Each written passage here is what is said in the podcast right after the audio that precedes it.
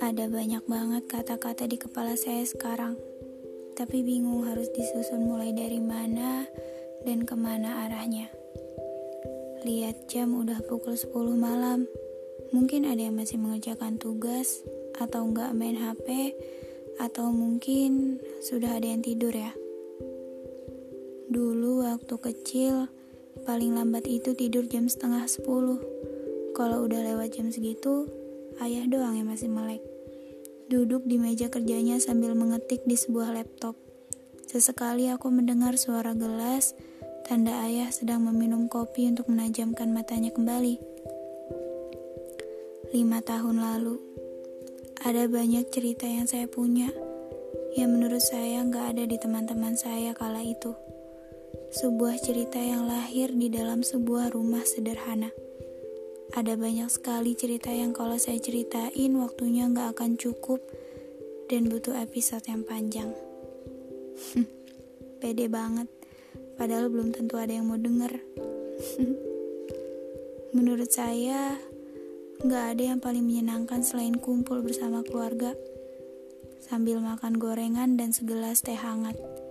Makan sambil cerita, kemudian tanpa sadar gorengan di piring sisa satu setelah itu, kami rebutan, lalu kami tertawa. Dan gak ada yang paling menegangkan selain duduk berjejer di depan ayah dengan buku, lalu siap-siap kena marah, kemudian air mata yang menetes. Dan gak ada yang paling menyedihkan selain ditinggal pergi orang yang sangat kita sayangi. Saya pernah berada di posisi benar-benar rapuh saat saya harus menangis ketika melihat sosok yang saya sayangi sudah terbaring. Kemudian saya membacakan ayat suci untuk mengiringi kepergiannya. Ya, saat itu saya merasakan kesedihan yang paling dalam. Saya benar-benar merasa kehilangan. Cahaya saya telah hilang dan saya merasakan kegelapan yang benar-benar gelap.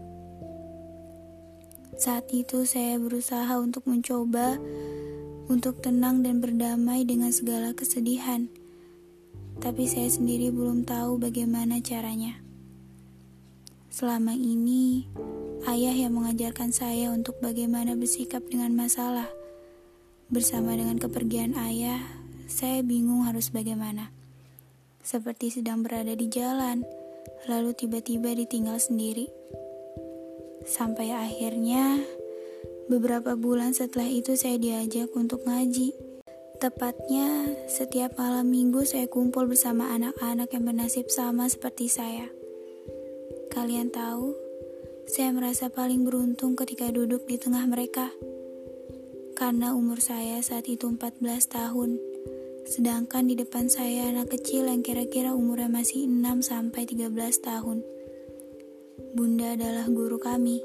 Ketika Bunda memberikan nasihat kepada kami, Bunda bertanya kepada seorang anak laki-laki.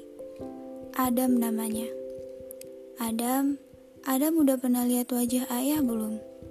Sudah, Bun. Di mana? Kali ini dia terdiam dan matanya mulai berkaca-kaca. Di foto, Bunda. Saat itu saya terdiam dan merasa tertampar. Saya menunduk. Air mata tidak lagi bisa dibendung. Lalu Bunda menyambung kalimatnya. Kalian yang masih bisa kenal sama ayah harusnya bersyukur ya. Ada loh anak yang gak kenal ayahnya siapa karena udah ditinggal pas dia masih bayi dan belum tahu apa-apa. Selama ini saya merasa paling sedih di dunia, padahal saya nggak sendiri. Masih banyak anak-anak yang tersenyum, padahal saya nggak tahu apakah dia benar-benar tersenyum atau sedang menyembunyikan rasa rindu. Saya benar-benar malu. Akhirnya saya bersyukur Selama 14 tahun saya mengenal sosok ayah. Saya pernah merasakan kasih sayang seorang ayah. Saya pernah bercanda dengan seorang yang bernama ayah dalam kehidupan saya. Saya merasa sesak, membayangkan bagaimana rasanya menjadi anak kecil tadi, yang umurnya masih enam tahun bahkan dia belum sempat mengenal ayahnya. Selama ini saya mencari cara bagaimana caranya berdamai dengan kenyataan. Dan saya telah menemukannya. Cara satu-satunya ialah dengan bersyukur. apalah arti kehilangan jika setelah kehilangan kita akan banyak dipertemukan? Apa arti kesedihan jika setelah menangis kita akan banyak tertawa? Dan sebaliknya. Jika ditanya, apa yang paling menyedihkan di hidup ini? Saya akan menjawab, merasa kehilangan. Manusia memang lucu, merasa kehilangan lantas sedih. Padahal sejak awal memang kita tidak pernah betul-betul memiliki. Saya sadar dunia ini fana. Begitupun dengan seluruh isinya. Tidak ada yang benar-benar abadi. Kita tidak selamanya akan merasakan senang pun sedih. Yang datang akan pulang, yang ada pun bisa hilang. Soal bagaimana kita menyikapinya, itu yang penting.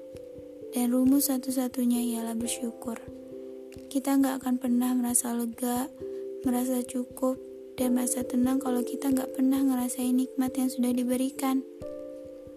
Huh, jadi sedih gini kan?